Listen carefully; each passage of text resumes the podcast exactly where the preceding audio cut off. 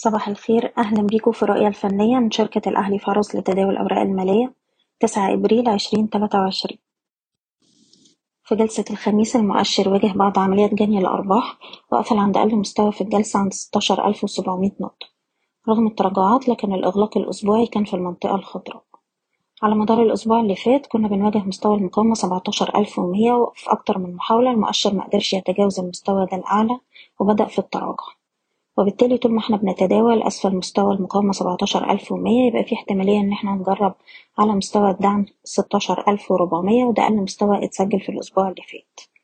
من الناحية التانية محتاجين تأكيد واضح لمستوى السبعتاشر ألف ومية وفي الحالة دي نقدر نستهدف مستويات السبعتاشر ربعمية وسبعتاشر ألف وسبعمية.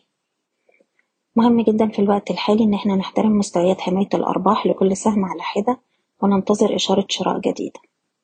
بشكركم بتمنى لكم التوفيق. إيضاح: الشركة غير مسؤولة عن أي قرارات استثمارية يتم اتخاذها بناءً على هذا التسجيل.